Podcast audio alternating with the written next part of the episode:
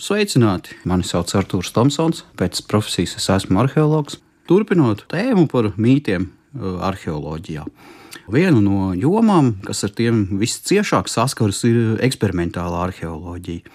Ikdienā veicot dažādas arheoloģiskās uzraudzības darbus, kuru ietvaros nereti jāveic arī plašāka izpēte, ļoti nodara zināšanas, kas ir iegūtas praktiski pašam rekonstruējot dažādas pagātnes dzīves lietas. Jo nu, nu, ir tikai dabiski, ka laika ejot, daudzas lietas aizmirstas. Nu, kaut vai paskatāmies YouTube, kā mūsdienu jaunieši mēģina piezvanīt ar uh, ripas telefonu. Ja? Tas ir pavisam nesen.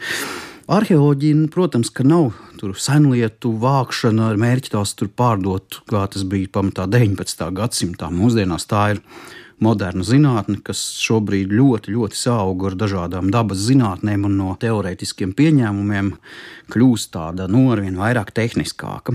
Savukārt eksperimentāla arheoloģija ir arheoloģijas apakšnodare, kas nodarbojas ar pagātnē izmantot lietu un parādību rekonstruēšanu, testēšanu, lai labāk izskaidrotu to, ko mēs ieraugām izrakumos un pa gabaliņam vienu saliktu atpakaļ šo pagātnes ainu. Tās ir ne tikai lietas, tās ir senās ēkas, transporta līdzekļi, to gatavošana, testēšana. Viens no tādiem nu, pionieriem nozarē ir mums visiem labi zināmais norvēģi ceļotājs Tūrs Heijerdāls 20. gadsimta vidū ar saviem seno kuģu eksperimentiem. Latvijā zināmākais arheologs bija Jānis Apels, kas savulaik izpētīja un vēlāk rekonstruēja ārēju ezerpili.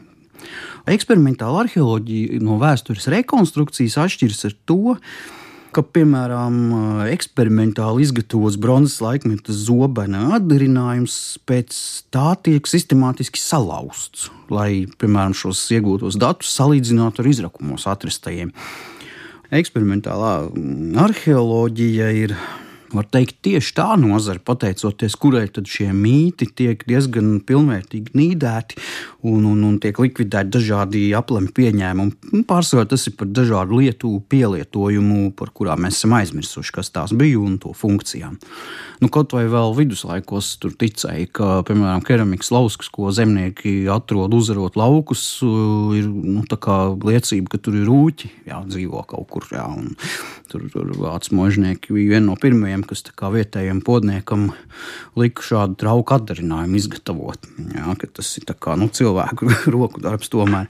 Vecais mīts, ka akmens cirvi gatavoti tur trīs paudzes, sāka vectēvs, pabeidz mazdēls, no eksperiments parādās pāris dienas. Savulaik pat bija viedoklis, ka Latvijas arheoloģiskajā materiālā būtu atrasti bumerangi, kas ir pārsteidzoši, jo nu, mēs visi zinām, vismaz, kas ar šo materiālu kaut cik strādā vai ar zvejniecību saistīti. Tie ir zivju šķēpu nokritušās detaļas, kas to zivtiņu piespiež.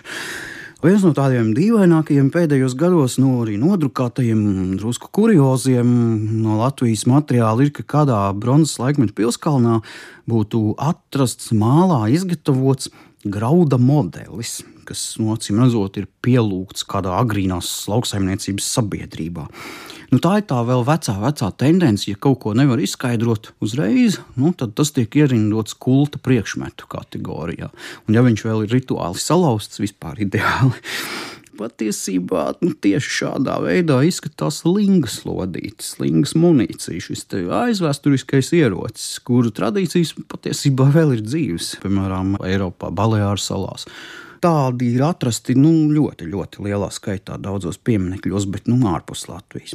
Eksperimentāla arheoloģija savā ziņā ir drusku kā kriminālistika. Nu, ļoti populāra pētījumu un arī mācīšanās metode ir eh, kremācijas eksperimenti. Tur Piemēram, 60. gados slavenā mājas rekonstrukcijas dedzināšana Dānijā, šo palieku aprakšana un aklais tests studentiem pēc 30 gadiem, kas nezināja, kur bija ieeja, kur bija logi. Un viņiem tad uzdevums bija šo ēku pašiem rekonstruēt, tikai izpētot šīs paliekas. Tad, tad varēja labāk saprast, nu, ko mēs nepareizi interpretējam paši kā pētnieki. Diemžēl nu, Latvijas Universitāte arheoloģijai kopumā iet grūti šobrīd. Un, eksperimentāla arheoloģija arī nav tās programma. Un, lai šo situāciju mazliet kaut kā glābtu, jo interese ir liela, ir iets plašāk, ir izveidota šai tēmai veltīta vasaras skola. Sākumā tā notika ārēšos, bet no 2015. gada tā uh, norisinās biedrības Latvijas arhīvu klubs nomātajā zemes gabalā Rīgā Lucavsalā.